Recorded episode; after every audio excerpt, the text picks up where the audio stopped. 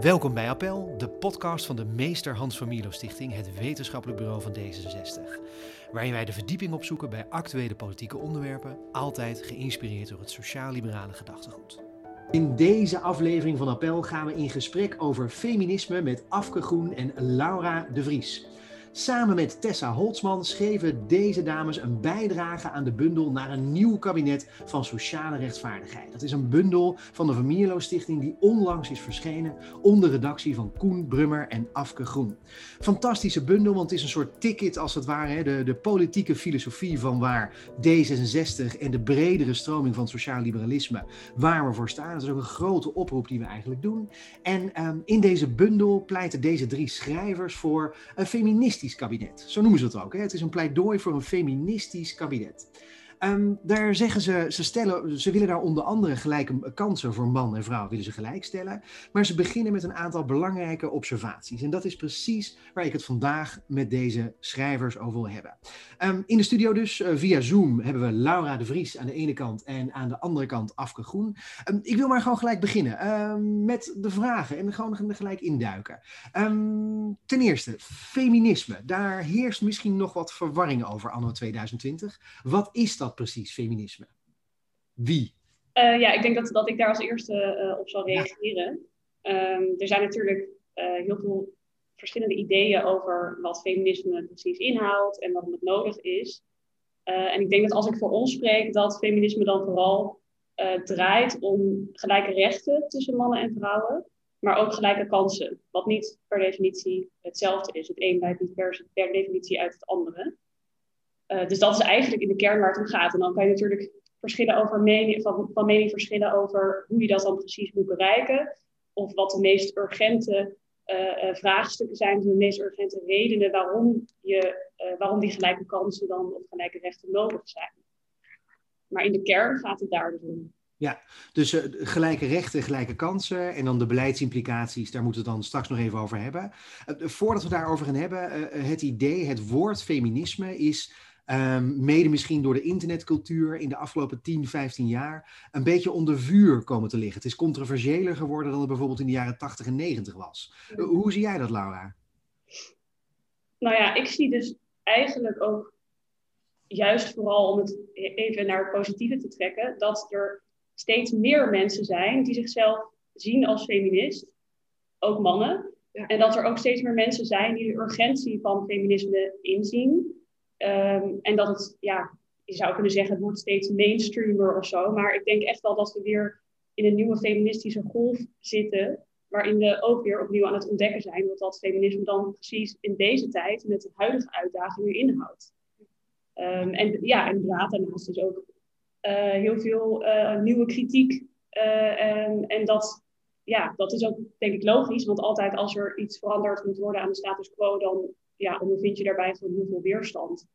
En dat, dat hoort erbij, ja, dat hoort er denk ik ook gewoon heel erg bij. De, die nieuwe kritiek houdt onder andere in, hè, als ik, uh, ik heb ter voorbereiding ook even gekeken wat uh, andere partijen uh, onder andere zeggen over het idee feminisme. En de, de, de andere kritiek is, de kritiek op het feminisme is af en toe zelfs ook dat feminisme mensen ook, juist ook vrouwen voortrekt. Dus dat juist is meer privileges voor vrouwen opeisen dan dat eigenlijk gerechtvaardigd zou zijn. Ja, nou ja, ja ik, ik, moet dan eigenlijk altijd direct denken aan de Algemene Wet Gelijke Behandeling. Uh, die is in de uh, jaren 1994 uh, voor het eerst ingesteld, om maar even zo te zeggen. En het idee van die wet is natuurlijk dat, dat mannen en vrouwen um, en op basis van andere kenmerken die mensen hebben, gelijk behandeld moeten worden. Maar die wet geeft ook ruimte voor uitzonderingen waarin gelijke behandeling, of waarin eigenlijk ongelijke behandeling ook geoorloofd is. Uh, wanneer je bijvoorbeeld ongelijkheden wilt opheffen of de kansenongelijkheid, die er nu daadwerkelijk is, uh, wil tegengaan. Dus daar is wel degelijk uh, ruimte toe. Ja. En ja, ik zou dat dan niet definiëren als omgekeerde discriminatie, want dat is gewoon niet aan de orde. Ja, ja, ik wil het straks nog hebben over wat zijn dan die ongelijkheden die je probeert op te heffen. Dat is denk ik het belangrijkste, ja, belangrijkste stuk wat, wat, denk ik, wat jullie ook aan de kaart brengen in het hoofdstuk. Um, wat andere kritieken op het feminisme anno 2020, 2021 is ehm, dat dat feminisme juist heel erg uh, categorieën reificeert. Dat zou dan de officiële term daarvoor moeten zijn, maar ze zeggen dan, ja, het is het hele binaire opdelen van de hele mensheid. Er is alleen maar man, alleen maar vrouw, vrouwen zijn alleen maar slachtoffer, mannen zijn alleen maar daders. Dat is een beetje de toon die hangt om dat feminisme. Is dat ook zo, Laura, of zie je het toch weer anders? Of Afke trouwens, want je hebt er natuurlijk ook... ja. Nou, wat ik een beetje heb proef ook aan, jou, aan jouw vragen en ook in, in al die kritiek, is dat, het, dat gesprekken over um, mannen en vrouwen en de verschillende positie van mannen en vrouwen in de samenleving, dat gesprek over gender, hè, zoals we dat dan noemen, dat is gewoon hartstikke ongemakkelijk. Um, hè, omdat het gaat over wie wij zijn, over wie we in het dagelijks leven zijn. En, um, ja, en, en, en dan spreken over ik, ik, ben niet, hè, ik ben niet alleen maar vrouw, uh, ik ben ook uh, een jong persoon en ik kom ook uh, van achtergrond uit het meer platteland van Nederland. En hè, je hebt nooit maar één identiteit. En ik denk ook dat zeker, zeker de huidige golven, zoals Laura dat al noemde, van feministen, dat, dat heel erg onderkent. Um, Laura die kan daar vast ook meer over vertellen als het gaat over intersectionaliteit. Um, uh, wat nu een heel belangrijk thema is eh, voor feminisme. En dat dat ook heel erg gaat over erkenning van. Hè, je hebt niet alleen maar één, één identiteit als vrouw, maar ook. Hè, uh, of als man, maar ook dat is verbonden met, met andere onderdelen van, van je identiteit. Met, met uh, huidskleur, met nou ja, allerlei, allerlei andere aspecten. Maar Laura die weet daar ongetwijfeld nog veel meer over dan ik. Nou, ik, ik, wil het inderdaad straks hebben over intersectionaliteit. Maar e-, eerst nog even die vraag over dat verwijt vanuit de rechterkant. Is dus dat feminisme voornamelijk praat in termen van slachtoffer-dader. Waarbij vrouwen altijd het slachtoffer zijn en mannen altijd de dader. Um, en dan komen de statistieken voorbij over. Ja, ach, het is, uh, vrouwen hebben het vaker te maken met huiselijk geweld. Maar tegelijkertijd zitten er ook altijd gewoon meer mannen in de gevangenis. En het percentage zelfmoorden is bij mannen altijd heel veel groter. Dus mannen zijn ook slachtoffer. Ja, ik herhaal nu alleen maar de kritiek die ik vind in de rechterhoek op het internet. Hè. Dit is niet per se iets wat ik dan vind, maar uh, het lijkt wel een beetje alsof aan de rechterkant van het politieke spectrum we vooral ook moeten zeggen dat ja, uh, mannen zijn ook slachtoffer. Feminisme uh, lijkt dat te willen miskennen, de, de moderne variant van het feminisme. Klopt dat of zien zij dat verkeerd? Nou ja, ik, ik zou daar uh, als je het hebt over identity politics, hè, daar is de afgelopen jaren natuurlijk super veel, uh, veel kritiek op. Weet je wel, van uh, wat zitten we nou te denken in, in die categorieën en die kenmerken die eigenlijk, ja, ik geloof dat Rawls dat zei, dat die moreel arbitrair zijn. Dus die zouden er niet toe moeten doen. Maar ik denk dat wij, en ook vooral ook sociaal, als sociaal-liberalen, hè, want dat, deze podcast staat natuurlijk ook in het teken van dat sociaal-liberalisme, dat wij moeten erkennen dat die kenmerken er wel degelijk toe doen. Gewoon feitelijk gezien in de praktijk uh, doen die kenmerken er gewoon toe. Daar kan je niet omheen of daar zou je niet omheen moeten gaan als je gelijke kansen dus belangrijk vindt.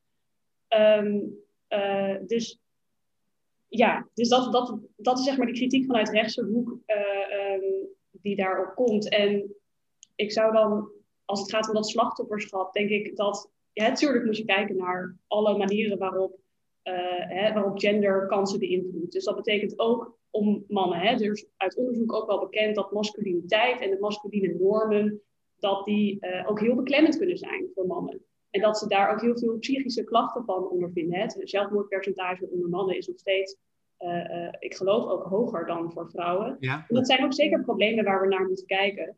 Tegelijkertijd zou ik willen zeggen, als we hè, de, de tweejaarlijkse emancipatiemonitor die uitkomt, Um, uh, en daarin uh, staat eigenlijk elke keer een heel rijtje van uh, nou ja, allemaal sectoren, allemaal gebieden van de samenleving, waarin dan de kansen en mogelijkheden van mannen en vrouwen met elkaar worden vergelijken.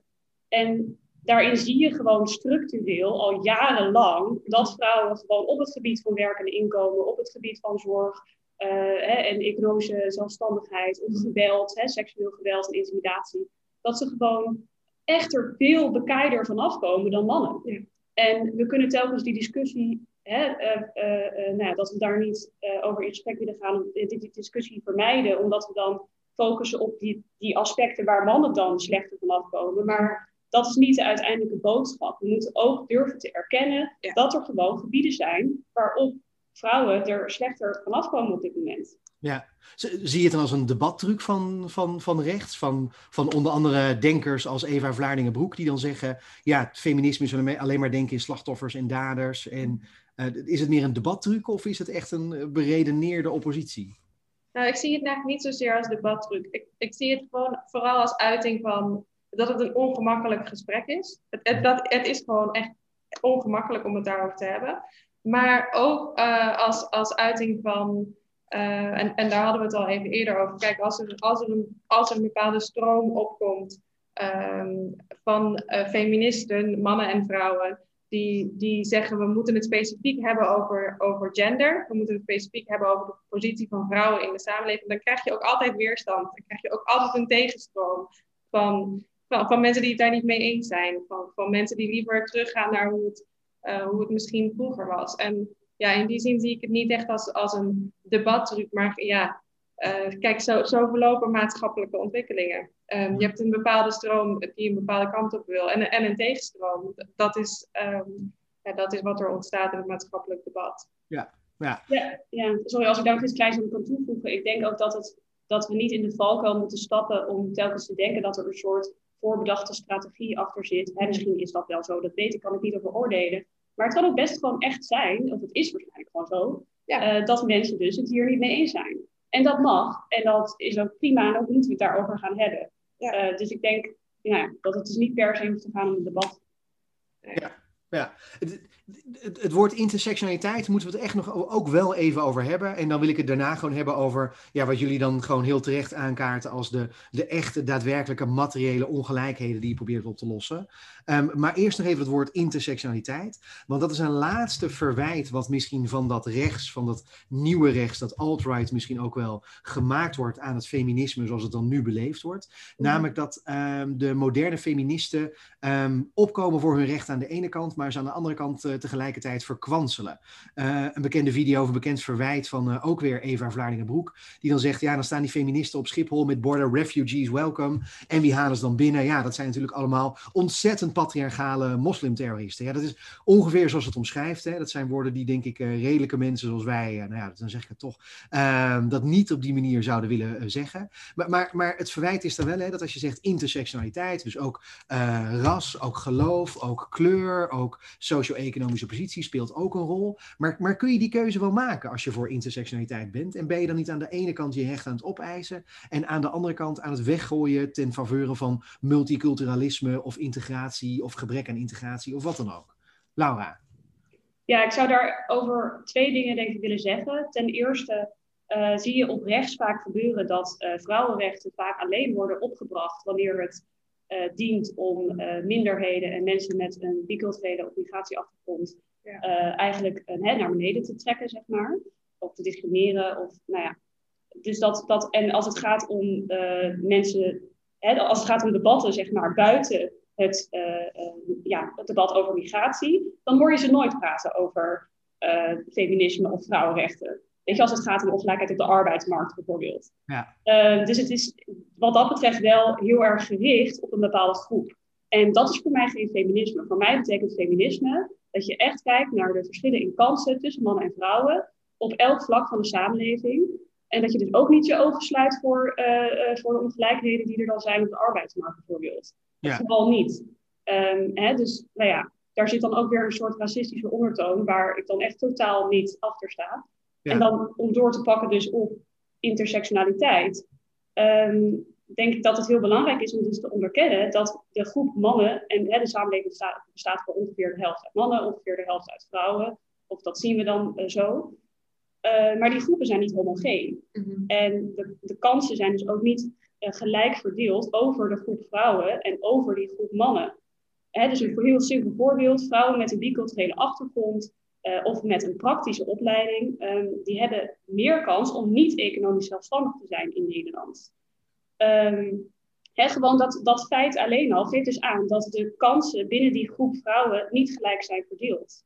In dit geval dus over economische zelfstandigheid. Ja. Als jij dan vervolgens als, als overheid, en daar gaan we het zo meteen over hebben ook, je beleid daarop afstemt en eigenlijk die hele groep gelijk behandelt, mhm. dan loop je het risico dat je ja, misschien inderdaad gemiddeld gezien de ongelijkheid tussen mannen en vrouwen verkleint. maar dat de ongelijkheid binnen die groepen juist groter gemaakt wordt. Ja. Nou, en dat is natuurlijk iets wat je niet wil hebben. Dus daarom is intersectionaliteit, naar mijn idee, uh, vinden we het heel belangrijk in Ja. het feminisme. Ja. Het, het, het gekke is eigenlijk, als ik het, eh, ehm, als ik, als, wat me een beetje begint te dagen, is dat je eigenlijk in zekere zin zegt, die kritiek vanuit rechts over, ja, maar eh patriarchaat leeft vooral onder migrantengezelschappen ehm, en eh, die halen we met z'n allen binnen en dat is dan ook weer niet goed. Dat jullie zeggen, nou ja, daar, daar moet je inderdaad je ogen voor open hebben. En tegelijkertijd moet je dus niet de problemen negeren die er op andere plekken ook daadwerkelijk zijn.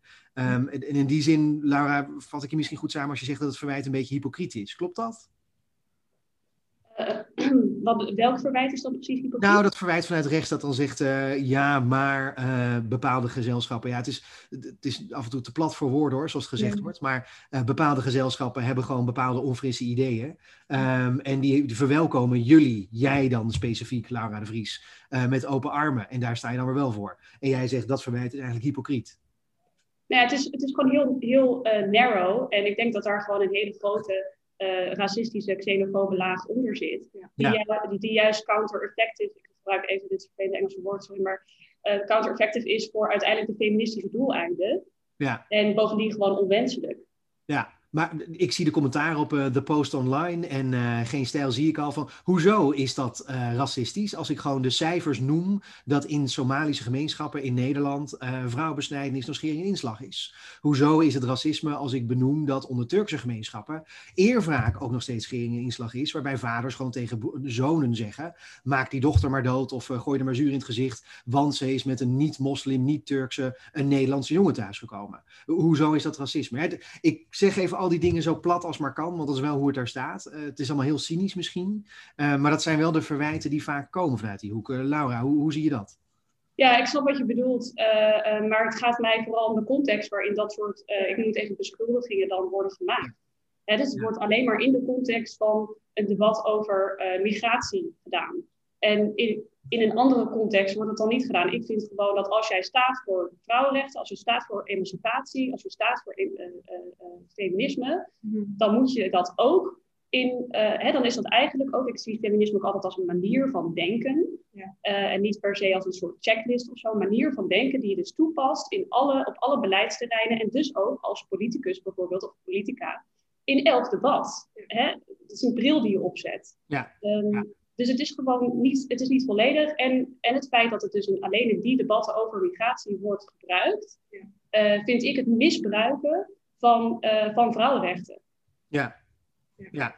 ja. Een dus, bepaald dus- racistisch, vaak xeno- xenofoob doeleinden. Dat moeten we ook durven te benoemen, denk ik. Ja, nee, dat, dat, dat is denk ik terecht dat je dat doet inderdaad. En eh, volgens mij doe je nu eigenlijk twee dingen. Je zegt, ja, natuurlijk aan de ene kant zijn dat soort ongelijkheden in dat soort, dat, dat noemen ze dan vaak schaduwgemeenschappen, hè, zeggen ze dan vaak. Eh, schaduwrechtsorders, dat soort woorden komen ook allemaal voorbij. Natuurlijk vind je dat soort misstanden, geloof ik, als ik je goed begrijp, vind je dat slecht. Maar je vindt dat het nu wordt gebruikt, retorisch wordt gebruikt om onszelf de oogkleppen op te zetten in andere debatten ook. Ehm, omdat we dan, ja, dan kunnen we, het, het is uiteindelijk gewoon, ja, uiteindelijk is dat ook gewoon wat het is. Het is gewoon racistisch wat we zeggen. Dat is uh, dat, in die situaties. Helder, alright. Volgens mij hebben we nu wel een beetje de, de, de cynische verwijten van rechts jegens het feminisme tegenwoordig. Hebben we wel eens een beetje ontknobbeld. Uh, Afke, heb jij het gevoel ook wel? Is ja, dat... Dat, dat... denk ik ook. Ja, ja, nee, we moeten het altijd wel even over hebben. Want dat is wel als je nu de krant openslaat, wat een beetje de, de toon van het debat is en waar we ja. op moeten reageren. Uh, maar, maar laten we dan nu eindelijk eens gaan naar uh, het beleid van de overheid aan de ene kant. En voordat we dat doen, toch ook over die, die materiële ongelijkheden. Want die, het, sommige mensen zullen ook zeggen, uh, ja we hebben heel veel wetten, wet op, kansen, uh, wet, wet, op gelijke behandeling en dat soort dingen. Juridisch, formeel is het nu toch al wel gewoon goed geregeld. Dus zijn er echt nog wel problemen, Afke? Ja. ja vraag naar de bekende weg, maar noem ze toch nog maar even op, denk ik. Ja, ja. Uh, nou, ik, het, ik, ik, las ook in voorbereiding op de podcast nog even het, het, het boek van Caroline Criado Perez uh, terug. Die heeft echt een heel mooi boek geschreven, Onzichtbare vrouwen in het Nederlands, Invisible Women in, het, in ja. het Engels. En die heeft daar een hele mooie quote in. Zij, want zij zegt eigenlijk, hè, we, moeten, we, we, moeten stoppen met doen alsof theoretische uh, gelijkheid, wettelijke gelijkheid van uh, kansen hetzelfde is als werkelijke gelijkheid uh, in de praktijk. En ik vind dat een heel erg belangrijke boodschap. Ja. En het is ook de boodschap die wij hebben proberen over te brengen in ons hoofdstuk, in onze bijdrage aan deze bundel naar een nieuw kabinet van sociale rechtvaardigheid. Nou noemde Laura al eventjes um, die emancipatiemonitor in Nederland, die, uh, ja, die elke twee jaar verschijnt op basis van cijfers van uh, Centraal Planbureau, CBS, waarin eigenlijk ook een overzicht wordt gegeven van allerlei cijfers over de positie van mannen en, mannen en vrouwen in Nederland. Um, nou ja, daar komen heel, een, aantal thema's komen daar dan steeds in terug. Um, neem de verschillende positie van mannen en vrouwen op de arbeidsmarkt. Uh, daar wordt zelfs wel gesproken van, van uh, seksensegregatie. En dat gaat dan over hè, beroepen waarin heel erg veel, 70, 80 procent uh, vrouwen werken. En, en beroepen waarin toch 70, 80 procent mannen werken. En dan zie je ook wel, dat gaat dan bijvoorbeeld over de zorg, waar nu ook heel veel, heel veel vrouwen in werken in Nederland. dat zie je ook in de coronapandemie. Die staan echt in de frontlinies. Um, en er zijn dan ook meer vrouwen die besmet raken met COVID dan mannen die besmet raken met COVID.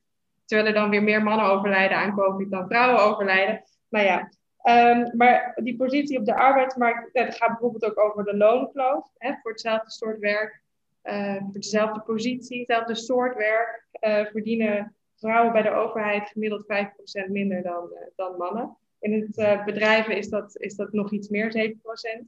Gaat ook over verdeling van onbetaalde zorg, van huishoudelijke taken waar vrouwen gemiddeld meer doen dan mannen in het huishouden, in, vooral in hetero stellen.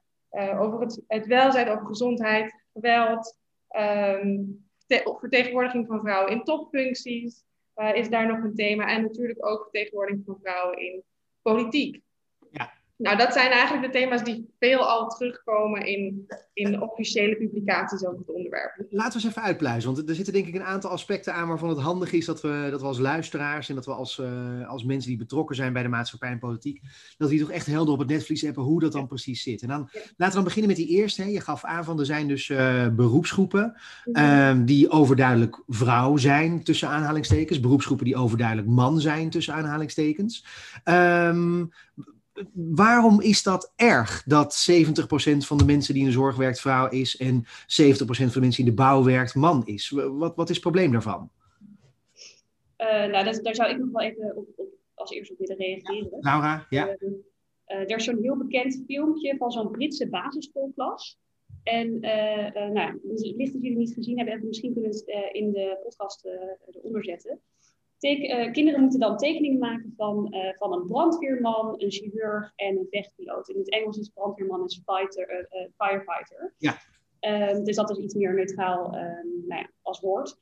En dus die kinderen die maken die tekeningetjes en die noemen ze dan Simon en Gary en Jim Bob en zo. En dan zeggen ze van, look, he is a brain surgeon and he rescues people. Nou, vervolgens uh, zegt die docent van, nou, uh, weet je wel, zijn jullie klaar om de echte uh, brandweerman, chirurg en vechtpiloot te ontmoeten? Mm. Nou, en dan komen er dus drie vrouwen binnen. een vrouw die brandweerman is, vrouw die chirurg is, vrouw die vechtpiloot is. Ja. en dan is het eerst, valt het helemaal stil. En dan zeggen die kinderen, de eerst, eerst hoor je een kind roepen, fake. En dan hoor je nog een kind roepen, look, they're all dressed up. Ach. Um, weet je wel, en dit, zijn, dit is op de basisschool. Ja. En dit is gewoon voor mij heel tekenend voor uh, nou ja, hoe we dus eigenlijk uh, als, als maatschappij zijn, zeg maar, onze kinderen het beeld geven dat een bepaalde toekomst voor jou is weggelegd, als het ware, op basis van uh, geslacht of gender. Ja. ja. En dat als, nou ja, dat, dat dus die realiteit die er nu is, dat werkt als een soort zelfvervullende profetie. Weet je wel, je hebt een bepaalde realiteit, dat is de de rolmodellen die je ziet in je omgeving, dat is wat er in de schoolboeken staat. Dan denken kinderen dus dat dat uh, voor hun uh, uh, de bedoeling is. En vervolgens gaan ze dat doen. Nou, dan hou je dus iets in stand of het wordt, het wordt erger. en ik vraag me dan af als, als sociaal-liberaal of dat dan keuzevrijheid is. In hoeverre ja. heb je dan echt officieel zeg maar, de, de gehele hè, linie zeg maar, van keuzevrijheid tot je beschikking, als het eigenlijk voor een deel al bepaald is? En daarmee wil ik niet zeggen dat je geen vrije wil hebt, want het is alsnog jouw beslissing. Maar die beslissing is ingegeven, zo noem ik dat dan, door dus die genderstereotypes en de, de rollen en de patronen die er al zijn in de samenleving. En dat vind ik kwalijk. Ja. Afke, ter aanvulling, ja, Afke. Ja, dan is dus die, die, die seksensegregatie, hè, dat is niet mijn term, maar de, dat is de officiële term die daarvoor gebruikt wordt op de arbeidsmarkt, is dan eigenlijk een uiting van uh, een gebrek aan, aan, aan keuzevrijheid. En het is soms heel makkelijk om te zeggen, ja, maar hè, uh, mannen kunnen toch ook gewoon in de zorg gaan werken. Ja, maar vrouwen kunnen toch ook gewoon uh, topfunctie gaan bekleden.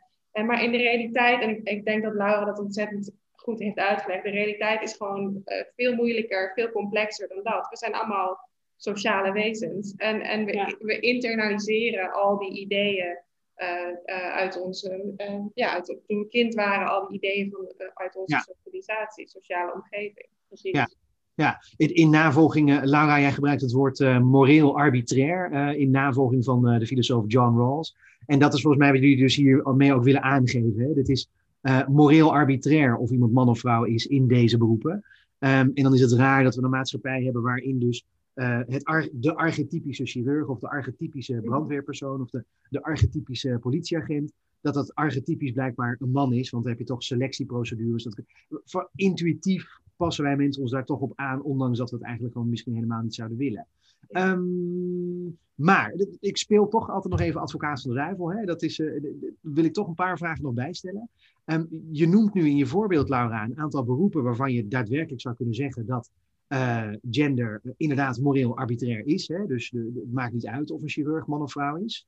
Maar uh, zouden critici kunnen zeggen, juist beroepen als onderwijs of kinderopvang of zorg, en dan met name de meer verplegende kant.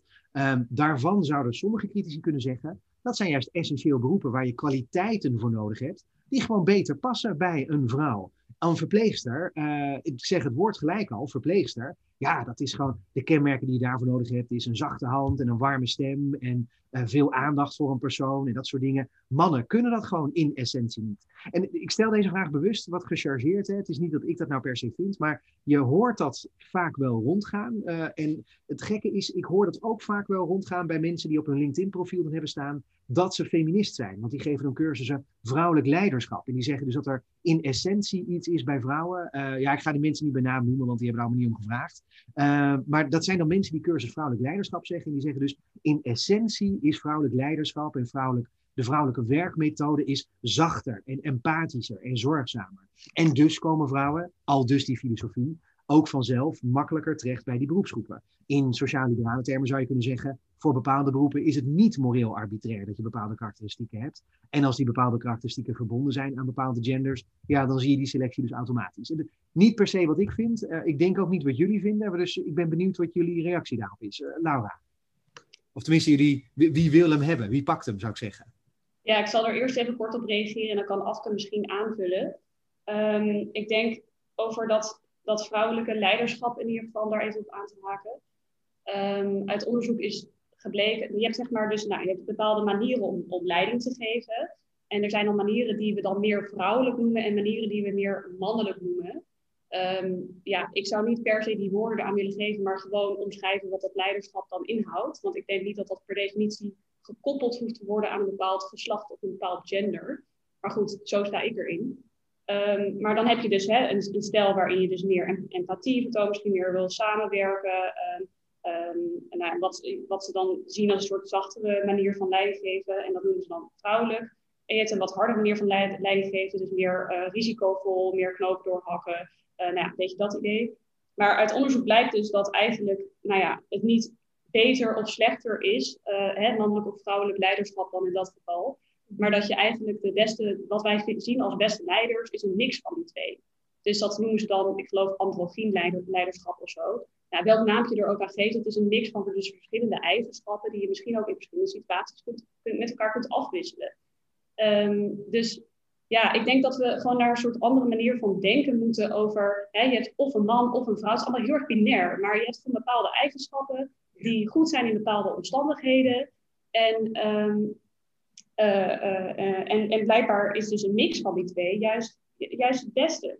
Ja, ja, Ik denk ook, ik denk ook hè, dat, je, dat je mannen daar enorm mee tekort doet als je zegt dat dat eigenschappen als uh, zorg en je, je noemde even de, de warme hand of de zachte hand. Ja, ik denk dat je mannen echt enorm tekort doet als je, als je, als je dat denkt. En En, en niet alleen als mens, hè, als, als persoon, maar, maar eigenlijk ook economisch.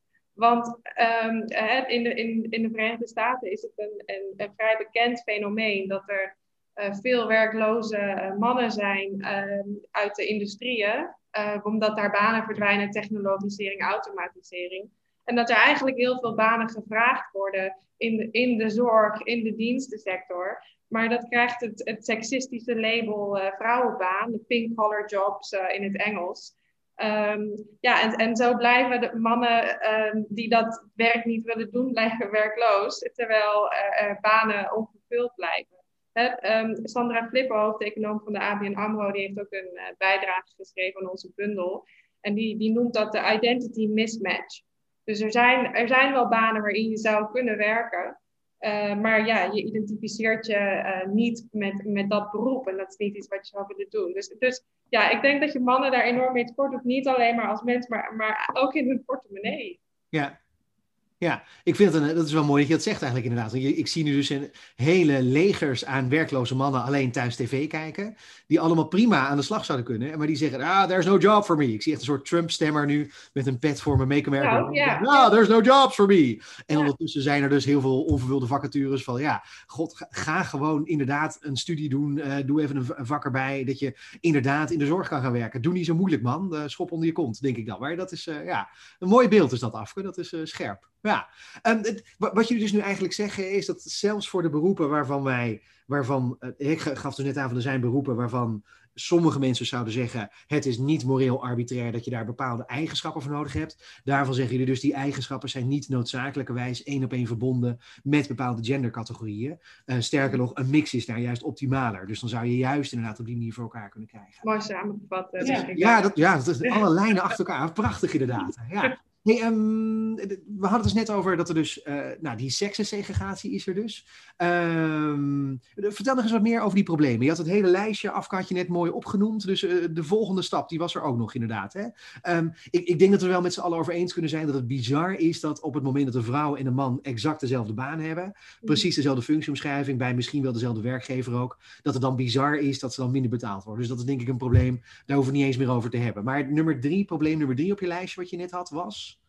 Ja, ik, had, ik heb een heel lijstje opgenoemd. Ja, uh, weet je nog? Ik weet het niet allemaal uh, weer. En ja, we hebben natuurlijk ook, eh, ik noem even op wat vaak in die onderzoeken terugkomt, waar in Nederland veel aandacht aan wordt besteed uh, in alle rapporten hierover. Ja. Daar staat ook nog op de verdeling van onbetaalde zorg en huishoudelijke taken. Mantelzorg, dat soort dingen, zorg voor de kinderen. Ook dat, ja, ook dat. Ja ja, ik weet, ik weet, wil je daar nog wat verder op ingaan? Nou, ik vond het wel, uh, jullie begonnen het stuk namelijk eh, ook door een verwijzing te maken naar uh, ja. corona. Ja. Heb je daar ook nog een beeld van, Afke? Want het, het, het is denk ik wel genoegzaam bekend hè, dat in Nederland nog steeds de, de verdeling tussen uh, wat je thuis doet en wat je op je werk doet, tussen man en vrouw gemiddeld genomen ook gewoon nog steeds ongelijk is. Uh, natuurlijk is dan, dat, als ik nu zeg natuurlijk is dit het fenomeen, dan bedoel ik empirisch is dat het gebeurt. Um, daarmee bedoel ik niet dat het normatief goed is, maar empirisch is het gewoon nog steeds zo dat als een stel kinderen heeft, dat natuurlijk de vrouw dan uh, wat minder gaat werken, parttime gaat werken. Natuurlijk is het zo dat als de kinderen naar de crash moeten, dat de vrouw ze dan gaat halen en gaat brengen. En als eerste gebeld wordt, dat is ook heel bizar, hè, dat dat viel ja. ons op. Wij hebben thuis ook twee kleine kinderen. En een van de dingen waar wij thuis heel erg over gemopperd hebben, is dat uh, bij de kinderopvang en bij de school is, hebben ze een lijstje van wie moet je bellen als je kind een been breekt. Nou, de vrouw staat altijd bovenaan. Die wordt altijd als eerste gebeld. Nou, dat zijn ja. hele kleine stomme dingen. Dat, dat is gewoon nog steeds zo. Maar, maar Afke, wat jullie aanhalen in jullie stuk was ook, de pandemie en de hele coronacrisis die eruit voortvloeit, die heeft wat dat betreft ook echt ongelijke impact daar nog bovenop gehaald. Afke, vertel. Ja, nou ja, uit, uit, um, maar ik wilde nog even aanhaken ja. over, de, over de kinderopvang. Uh, ik, ik, dacht aan mijn eigen broer, die staat op één hè, op de bellijst bij, ja. de, bij de kinderopvang. Ze moeten eerst hem bellen en dan zijn vrouw, maar ze bellen nog steeds eerst een vrouw. Dus ja. het, is, een herkenbaar verhaal. En dat is ook frustrerend. Ja. Um, maar ja, er zijn inderdaad wat eerste onderzoeken verschenen over hè, wat de, de, sluiting van de scholen nou eigenlijk betekende. Want deze onderzoeken gaan niet over de, de, de huidige lockdown, maar die, de eerste lockdown in maart over wat dat betekende voor de verdeling van, van zorg en werk uh, in, in hetero-stellen uh, bij, mensen, bij mensen thuis. En daar bleek toch wel weer uit dat het, dat het meestal vrouwen waren die uh, naast hun werk het grootste deel van de zorgtaken opvingen. Maar dat was ook al voor de crisis het, geval. Um, ja, er, er blijkt ook wel uit dat mannen wel ietsje meer uh, zijn gaan doen. En dat is dan vaak een bevinding die wordt uitgelicht. Hoera, er is wel uh, iets meer gedaan. Maar ja, veelal komt dat toch bij vrouwen terecht. Ik vond dat, dat Lisbeth Staats dat ook mooi in beeld bracht in de documentaire Waarom werken vrouwen niet? Wat ik trouwens echt een aanrader vind. Ik vind de titel niet zo, niet zo mooi. Maar echt een aanrader vind om wel te kijken. En zij brengt dat ook wel um, in beeld. Komt bij gezinnen over de, over de vloer en ze brengt in beeld wat dat voor gevolgen heeft gehad. Heel goed, ja, nee, heel goed. Maar, maar, vertel wat meer over hoe, die, hoe dat dan gelopen is. Uh, ja, het is natuurlijk allemaal heel vers. Hè? Ik bedoel, we zitten nu net in de eerste maand van 2021 voor de luisteraars die dit op een uh, ander moment misschien luisteren. Dus we zitten nu midden in uh, de tweede volledige heftige lockdown die ook nog eens verlengd is. Maar, mm. maar, maar ja, het, het, is dus in beeld gebracht. Maar, maar noem eens wat, wat voorbeelden, wat statistieken, wat, wat feiten en cijfers. Hoe, hoe is dat keuzeproces precies verlopen? Ik zie daar nee, ja, nee. Nou ja, wat ik wel weet is dat er dus, ja. sorry, Laura hier, ja. dat er uh, volgens het uh, CPB uh, tussen maart en april dat vrouwen 16% meer gewerkte uren hebben verloren ja. en mannen 11%.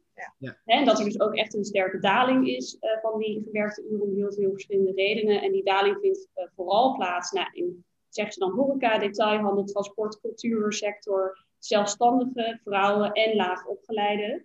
Um, dus daar is wel degelijk iets, iets aan de hand.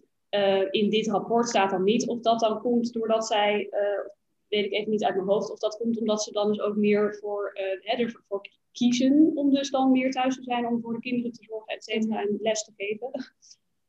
of dat dat dan komt omdat ze dus vaker hun, hun, baan dan verliezen aan externe omstandigheden. Ja, ja. Dat, ja.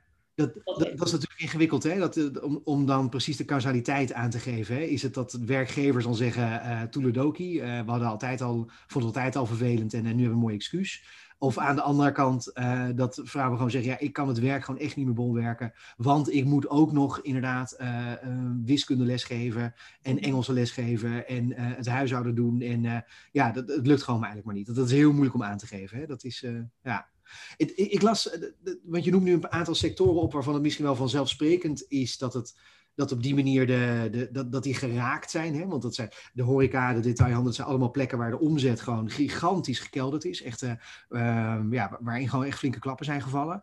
Ik meende me te herinneren, ik weet even niet meer waar ik dat precies las, maar volgens mij was het The Chronicle of Higher Education, waar ze in uh, vorig jaar mei of juni hadden ze in kaart gebracht. Dat ging dan over um, journal submissions in de wetenschappelijke wereld. Dus hè? Mm. journal submissions, dus dat gaat dan van uh, promovendi, postdocs en assistant professors en professors. Um, of daar nog wat in te zien was. En het bleek eigenlijk dat dus vanaf dat uh, wereldwijd er dus overal lockdowns plaatsvonden, vanaf maart zo'n beetje, dat het aantal journal submissions nou echt het meer dan gedecimeerd. Hè? Met gedecimeerd bedoel ik dus gewoon uh, van, van 100% naar 10%. Dus echt meer dan 90% gedaald onder vrouwen. Het was bijna alleen nog maar mannen die journal submissions deden. Um, en dat betekent dus, hè, het, het, voor de mensen die het niet weten, de wetenschappelijke wereld werkt. Je moet een artikel moet je schrijven, dat moet je dan submitten. En blijkbaar hebben dus vrouwen, wetenschappelijke vrouwen in de wetenschap, uh, wereldwijd gezegd, ja, dit lukt ons gewoon nu niet meer. We kunnen ons werk gewoon niet meer doen. Dus hè, dat zijn de klappen waar we het over hebben eigenlijk met zo'n coronapandemie. Weet je? Dus ja, dat het dus gewoon echt ingewikkeld is. Ja. Als wetenschapper ook, net gepromoveerd of ondertussen al een tijdje? Ja, ja, ja, Het, het, verbaast me, het verbaast me niet. Uh, en wat ik wel belangrijk vind om, daar, om daarover te zeggen, is dat dit, hè, dit is een statistiek van, van één moment. Het is een momentopname. Op dat moment hebben vrouwen minder uh, artikelen ingediend. Um, maar dat, dat heeft wel lange termijn effect, omdat promoties in de wetenschap gaan, zijn vaak op basis van een aantal artikelen dat je hebt gepubliceerd. Dus dat is in het algemeen is de boodschap, het, het, is heel erg belangrijk om goed in de gaten te houden.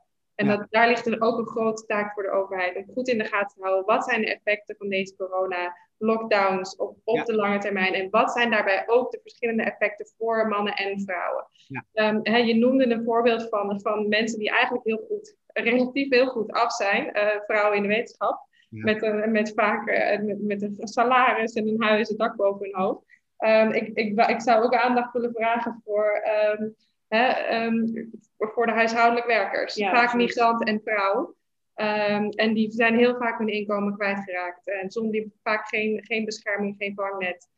maar ja, mensen zaten thuis en die hebben de schoonmaker gewoon uh, naar huis gestuurd uh, zonder verder te betalen. Wil ik ook graag aandacht voor vragen. Ja, nee, dat vind ik heel goed inderdaad. Dat is denk ik uh, de, een van de dingen waar, denk ik, ja, wat, waar ik persoonlijk gewoon af en toe een beetje gefrustreerd van werd van de lockdown van de vorige keer. Was dat uh, zo gauw, uh, het was bij ons in de buurt in ieder geval, zo gauw er ook maar iemand op straat liep. er waren een paar echte flinke radicalinski's die zeiden: nee, blijf gewoon binnen.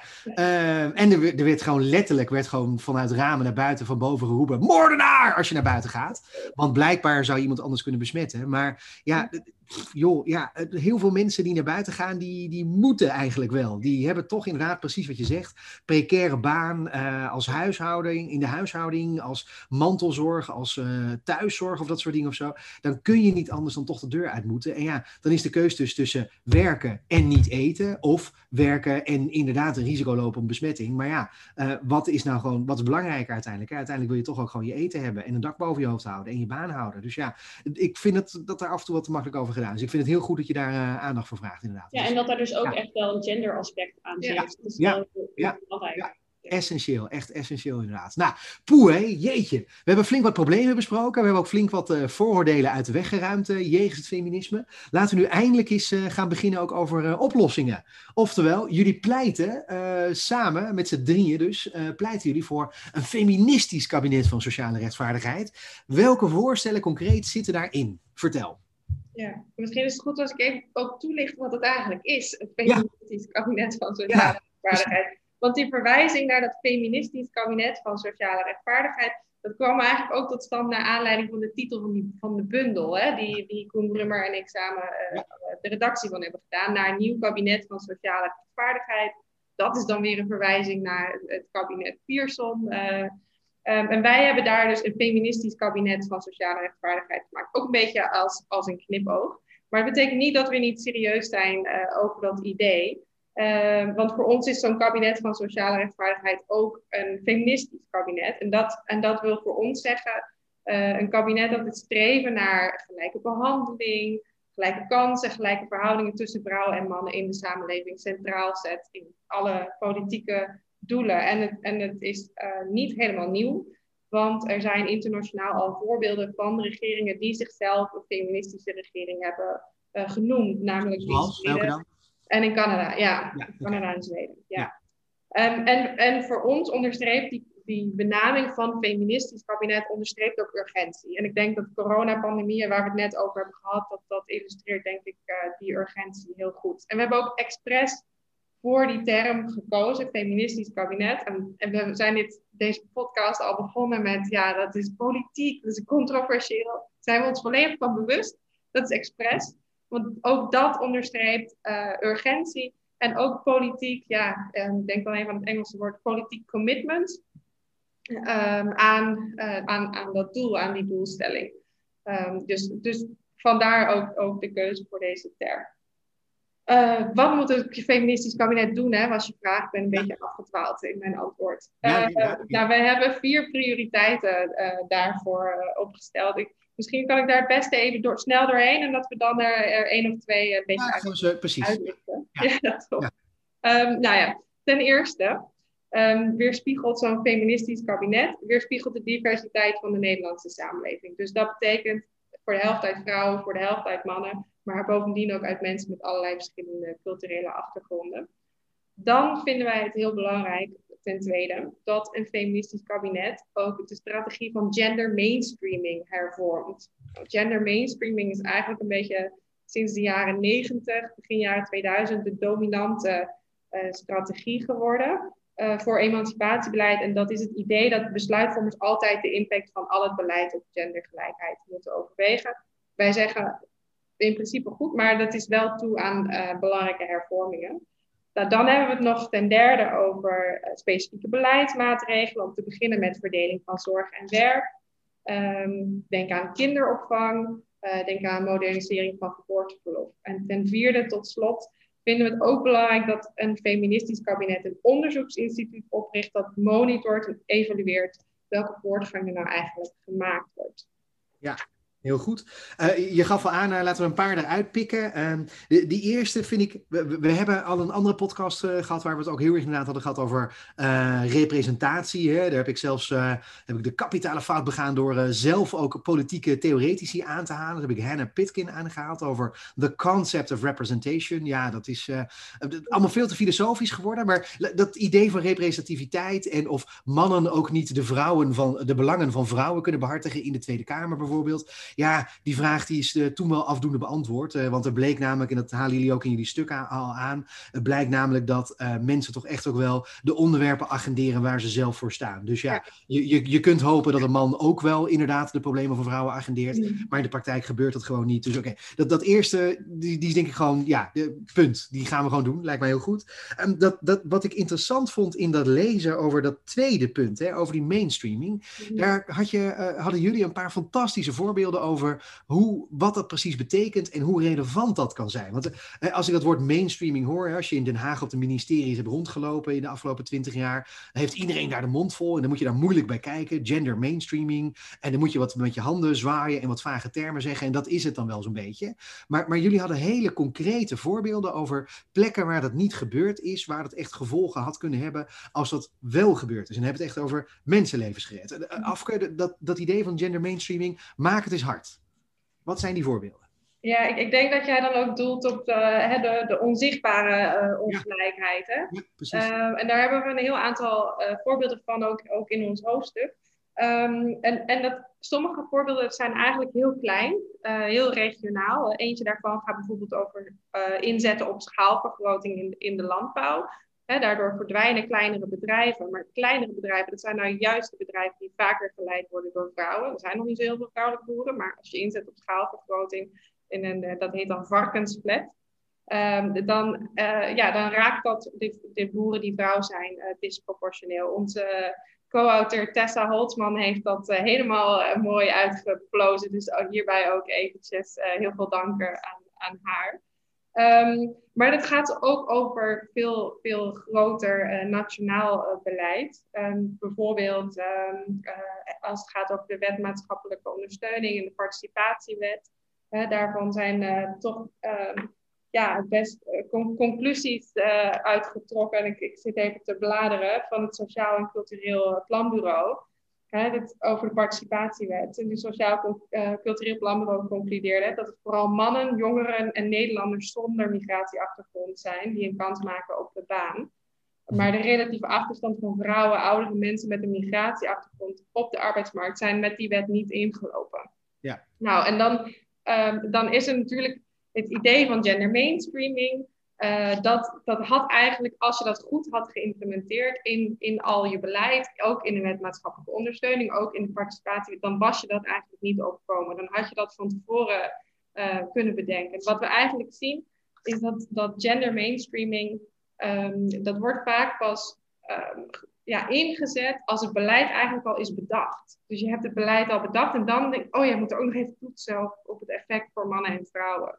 Ja. Uh, maar dan ben je te laat. Um, het is, dus dat is ook waar we voor, voor pleiten. Het is heel belangrijk dat je dat ook inzet in de vroege fase. Van agendering van beleid, van formulering uh, van beleid. Dat je dat veel minder reactief doet, maar mhm. proactief al bij de, bij de formulering van beleid. Maar Laura kent nog veel meer voorbeelden over... Ja, uh, over... een bruggetje afke. Laura!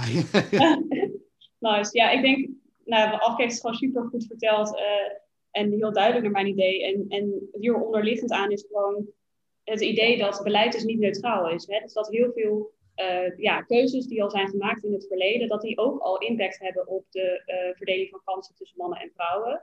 Hè? En dat het dus niet is dat als we nu dit gaan doen, dat er dan pas ineens wordt, uh, weet je wel, keuzes worden gemaakt hier ook. Want die keuzes die zijn er al, alleen zijn die nu ogenschijnlijk vaak neutraal. Ja.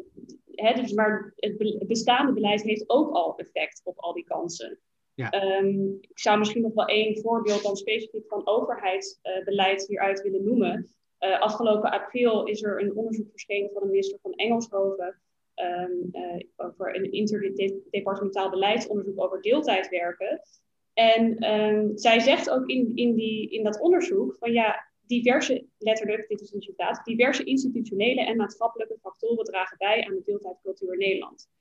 En met die institutionele keuzes, die factoren eigenlijk, uh, die gaan dan bijvoorbeeld om ja, wat, wat wij dan misschien, of wat mensen dan misschien zien als uh, uh, neutraal of zo.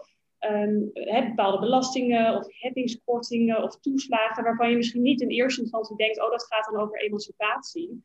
Maar dat gaat dus wel degelijk over emancipatie, want op basis van die heffingskortingen en toeslagen en nou ja, et cetera, dat, dat vrouwen wel degelijk op basis daarvan dus besluiten, en mannen ook, hè, laat het ook vooral over mannen hebben, mhm. eh, eh, om in deeltijd te gaan werken of niet. Ja. Dat heeft best wel veel met die financiële afwegingen te maken ook. Niet alleen met cultuur, allebei.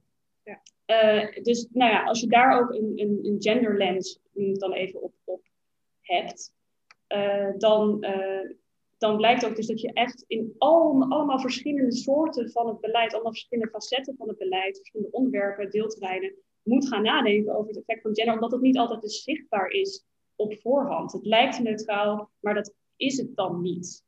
Ja, dus, dus als je goed begrijpt, is, is iets als gender mainstreaming nog voordat je beleid klaar is, dat je vooraf eigenlijk al gaat nadenken over eh, wat zijn nu dan in de empirie de verschillen, in de wereld zelf de verschillen tussen mannen en vrouwen. Um, dat je weet dat die verschillen er zijn en dat je dan je beleid erop gaat aanpassen, zodanig dat er op een rechtvaardige manier uh, rekening mee gehouden wordt. Mm. Door het zij die verschillen dan kleiner te maken, of als die verschillen niet uit te wissen zijn, uh, je daarop aan te passen. Ja, ja, ja dat is het idee. Maar, ehm, en, en dat is ook de strategie die, die is geïmplementeerd met, uh, met volgens mij het eerste tweede kabinet Kok, met mhm. Paars. Um, maar dat heeft ook um, het implementeren daarvan is niet helemaal gelukt, uh, als ik het uh, zacht uitdruk. Ja, uh, want het heeft in de harder uitdrukken hoor, als je Ja, in de praktijk heeft het ook wel, en dan laat ik het dan even wat sterker uitdrukken. In de praktijk heeft het ook wel geleid tot het wegstreamen van gender. Hè? Want als je gewoon zegt, vanaf nu houden we rekening met gender in al ons beleid. Veel succes op de ministeries en de provincies en de gemeentes. Hè? Als daar niet de expertise bij hoort, als daar geen uh, overkoepelend orgaan bij zit, die, die bijhoudt van welke, uh, ja, wat, wat gebeurt daar eigenlijk in, gaat dat wel goed, dan, dan, dan stream je dat weg. En dat is eigenlijk wat er, wat er in de praktijk wel gebeurd is. Een mooi voorbeeld daarvan vind ik uh, Aart-Jan de Geus, die was in 2003 minister van Sociale Zaken en Emancipatie. Ehm, en die, die stelde toen dat de eeuwwisseling een nieuwe fase van emancipatie heeft ingeluid. En te weten, nou, de emancipatie van de witte vrouw is wel klaar. Ja, tada, hoppatee, strikje erom, klaar. Ja. ja. Was dus niet zo, nee. Nee. Ja, je, het, was een soort, uh, hoor ik het misschien zo omschrijven? Als ik, het, ja, als ik je woorden in de mond leg, moet je het maar gewoon zeggen. Maar het klinkt alsof je zegt dat mainstreaming, gender mainstreaming, een beetje een soort checklist mentaliteit teweeg heeft gebracht bij beleidsmakers. Dat ze daar zaten en zeiden, oh ja, voordat we beleid implementeren, nog even, wat is het effect op vrouwen? Oh ja, prima, oké, dat is het. Vind je erbij en dat was het dan. Zonder te kijken naar wat er nou echt precies gebeurde en wat er nou echt precies speelde. Mhm. Vat ik hem zo goed samen af? Ja, ik, ik, denk, ik denk dat je dat wel, uh, ik denk dat je dat wel goed, goed samen. Ja, dus, ja. dus, zonder, de, zonder de echte expertise en zonder de echte politieke aandacht. Hè, dat is ook waarom we zeggen, ja. het expliciet een feministisch kabinet zijn. Er moet politieke aandacht voor zijn. Er moet expertise op zijn. Er moet directie voor zijn. Hè, want de portefeuille-emancipatiebeleid werd vervolgens gewoon uh, afgeschaft uh, door, door, het kabinet. Ja, dus, dus er, zonder politieke aandacht expertise kan het leiden tot het wegstreamen van, ja. van, van gender Ja, hey, en, en, en dan, uh, je had dus uh, vier voorstellen. Het onderzoeksinstituut, uh, dat vind ik ook fantastisch. Dat moeten we gewoon gelijk doen. Maar, maar, nog even naar wat specifieke beleidsmaatregelen dan. Dus dat derde onderdeel wat je had, dat derde vinkje. Je wil dat ik er een paar opnoem? Ja, ja. Dus, ja. Nou, wij, wij, wij, zouden, wij stellen dat een, dat een volgend kabinet zou moeten beginnen met, met de verdeling van zorg en werken. Uh, en één, één maatregel uh, is de modernisering van het geboorteverlof. Ja. dat is al wat op ingezet, want sinds afgelopen zomer kunnen partners aanvullend betaald verlof opnemen. Echt 70% van hun salaris. Maar daarmee koppel je eigenlijk het geboorteverlof van partners, net zo overigens als onbetaald ouderschapsverlof, aan de positie van partners op de arbeidsmarkt. en, en ja, dat, uh, dat is problematisch, want ouders met een laag inkomen kunnen waarschijnlijk niet rondkomen van 70%. Ja, de vergoeding van 100% is dan, uh, ja, is, noodzaak, is dan beter om, om bredere toegang uh, tot opname van het geboorteverlof te krijgen. Um, uit onderzoek blijkt dat 80% ook al helpt. 70% eigenlijk te weinig. Ja, ja, oké, helder, ja. Uh, ik vind het wel interessant wat je zegt inderdaad, hè, dat zo'n zo'n aan het inkomen gekoppelde maatregel natuurlijk niks anders kan doen dan alleen maar de inkomenseffecten die er al zijn, de, de ongelijke effecten, alleen maar versterken. Dat is, ja. Uh, ja, dat, is, ja. Uh, ja, dat, gaat ook om die inclusiviteit. Hè, van, help je dan misschien dat je dan gemiddeld inderdaad weer die kloof kleiner maakt tussen mannen en vrouwen, maar binnen die groep maak je dan niet de kloof alleen maar groter. En dat is absoluut ook onrechtvaardig. Ja, ja, precies, precies, helder. En noem er nog eens wat meer. Kinderopvang. Ja, vertel. Ja. Misschien kunnen we jou daar ook uh, ja, ja. mee maken. Uh, ja, wij, wij, zouden pleiten voor het gratis beschikbaar maken van, van kinderopvang. We vinden dat dat uh, prioriteit moet hebben. En, en daarmee neem je, en, en dat heeft Laura al genoemd, neem je ook een belangrijke financiële barrière weg. Uh, voor stellen om betaald en onbetaald werk eerlijk, eerlijker te verdelen. Want veel van die onderzoeken die we al even hebben genoemd, hè, ook die emancipatiemonitor, die wijzen ook wel uit dat veel uh, hetero-stellen um, betaald en onbetaald werk wel graag eerlijker willen verdelen. Uh, maar dat, het in, dat ze dat in de praktijk niet doen. Um, Laten we dan in ieder geval die financiële uh, barrière wegnemen. Ja, ja. Het, is vaak inderdaad uh, bijstellen een discussie over marginaal nut. Hè? Dat, ja. ja. En daar hoort ook bij dat je bijvoorbeeld kijkt naar flexibele werkuren. Ja. Hè, dat er flexibeler, om, flexibeler omgegaan kan worden met werk en zorg. Ja. Ehm, maar ook hè, dat, het, dat het dan voor mannen uh, ook geaccepteerder, en dat is misschien lastiger te bereiken uiteindelijk, maar dat het dus voor mannen ook geaccepteerder is om dan uh, minder te gaan werken of meer mm-hmm. zorgtaken op te nemen. En dat als werkgever kan je daar natuurlijk ook een rol in spelen. Maar je moet ook denken aan bijvoorbeeld het beschikbaar maken van meer part-time managementfuncties. Hebben. En dan kan je meteen allemaal bezwaren oproepen waarom dat niet handig is. Maar uiteindelijk zorgt dat er wel voor dat vrouwen die op dit moment dan meer part-time werken, dat die dan ook zo'n managementfunctie kunnen doen. En er zijn echt wel manieren te bedenken waarop je dan die, uh, die dagen dat je uh, niet werkt, uh, dat dat niet bezwaarlijk is of wat dan ook. Ja. Dus daar kun je ook nog aan denken. Ja, oké. Ja, dus echt de arbeidsmarkt ook een beetje herstructureren wat dat betreft inderdaad. Uh, nog even, er, er, kwam één ding bij me op toen, toen uh, Afke zei kinderopvang gratis maken. Um, ik hoorde aan de linkerkant van het politieke spectrum, wat in mijn oren zich altijd afspeelt, hoorde ik al mensen zeggen, ja, maar dan verlies je uh, het nivelleringseffect wat je nu hebt dat is nu, als je het nu voor iedereen gratis maakt, nu is het wel zo dat met de toeslagen en de verrekeningen erbij en zo, nou ja, dat is natuurlijk niet altijd af, even goed gegaan, hebben we de afgelopen tijd gezien. Maar dan met het hele idee van toeslagen, dat je wel kan differentiëren naar inkomsten. En dat dus ja, um, de partners die uh, het stel wat uh, allebei bij een topadvocatenkantoor uh, partner is en heel veel geld verdient, ja, die, die krijgen het dan ook gratis. Terwijl die het makkelijk zouden moeten kunnen betalen. Um, ten opzichte van twee mensen die een beetje sappelen in een hele ingewikkelde baan, die ze heel veel tijd kost, maar waar ze heel weinig loon voor krijgen. Dus die oneerlijkheid, eh, vind je dat dan nog een probleem als het gaat over gratis kinderopvang? Of zeg je, dat moeten we op een andere manier oplossen? Nou ja, ik vind dat, uh, wat, ik, wat ik wel graag wil benadrukken in het, in het algemeen, is dat we stellen nu, we noemen nu een paar concrete maatregelen.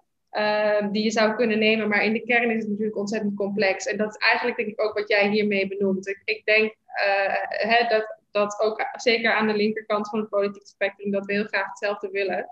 Uh, en, en dan kun je het natuurlijk hebben over hoe je dat precies vormgeeft. En of je mensen met een, een hoog, die een inkomen hebben hoger dan een bepaalde hoeveelheid, dan toch uh, wat, wat mee laat uh, betalen. Ik zou dat zeker niet, maar hoe, ja, hoe hoger je die bijdrage maakt, hoe, hoe, hoe, ja, hoe slechter het effect op de verdeling van, van onbetaald en betaald werk tussen, tussen vrouwen en mannen. Dus dat is complex.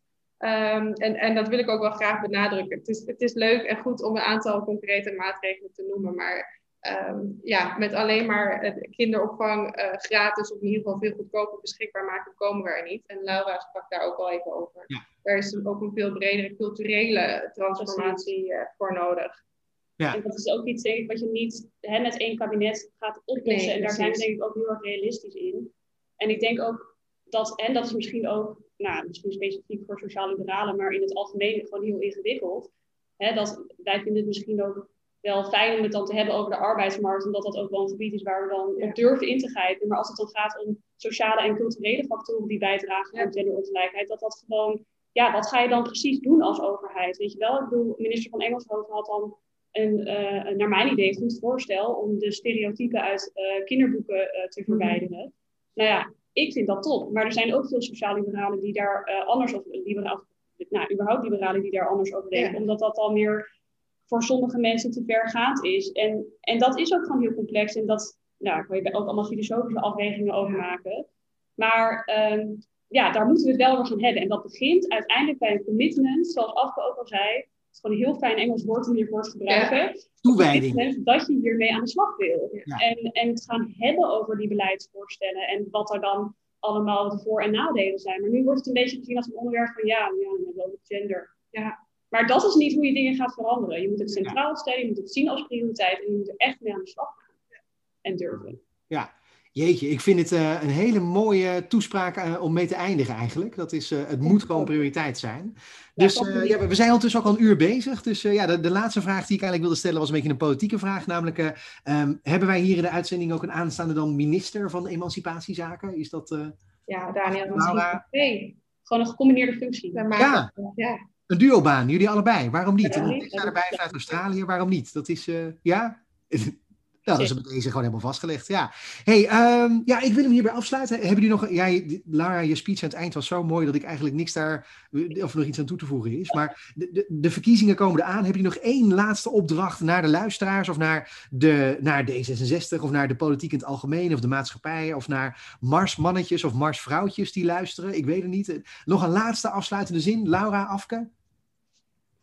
Ik durf bijna niet meer, omdat Laura het zo mooi heeft samengevat. Maar ik, dan zou ik eigenlijk iets herhalen wat ik, wat ik al heb gezegd. En dat is, we moeten echt stoppen met doen alsof theoretische, wettelijke gelijkstelling uh, van kansen ook het, hetzelfde is als, als werkelijke gelijke kansen in de praktijk. Laten, laten we dat, dat zien, dat dat niet klopt en daar een politieke praktijk van maken. Ja, dus maak het praktisch. Het is nu echt tijd voor een echt een kabinet wat die, die, dat idee van feminisme echt op de eerste plek zet, zodat het gewoon praktisch wordt. Dat het gewoon echt gebeurt en niet alleen maar in de letter van de wet, maar ook in de geest en dat het beleid en de hele wereld eigenlijk gewoon een eerlijker en prettiger plek wordt om in te wonen, voor iedereen. Ja, en als ik daar dan nog iets kleins aan kan toevoegen, denk ik dat ik, ja, sorry, ik kan het toch niet laten, maar dat, dat we vooral ook deze nou ja, toch wel ernstige crisis waar we met, met z'n allen in zitten, dat we dit niet uh, moeten, um, nou ja, dat we het niet een moment moeten laten zijn waarin we weer terugvallen in traditionele opvattingen, traditionele ideeën. Er zijn ook uh, allerlei mensen die proberen de abortuswetgeving uh, weer aan te passen, zodat vrouwen minder kansen hebben en minder mogelijkheden krijgen. Nou ja, dat is.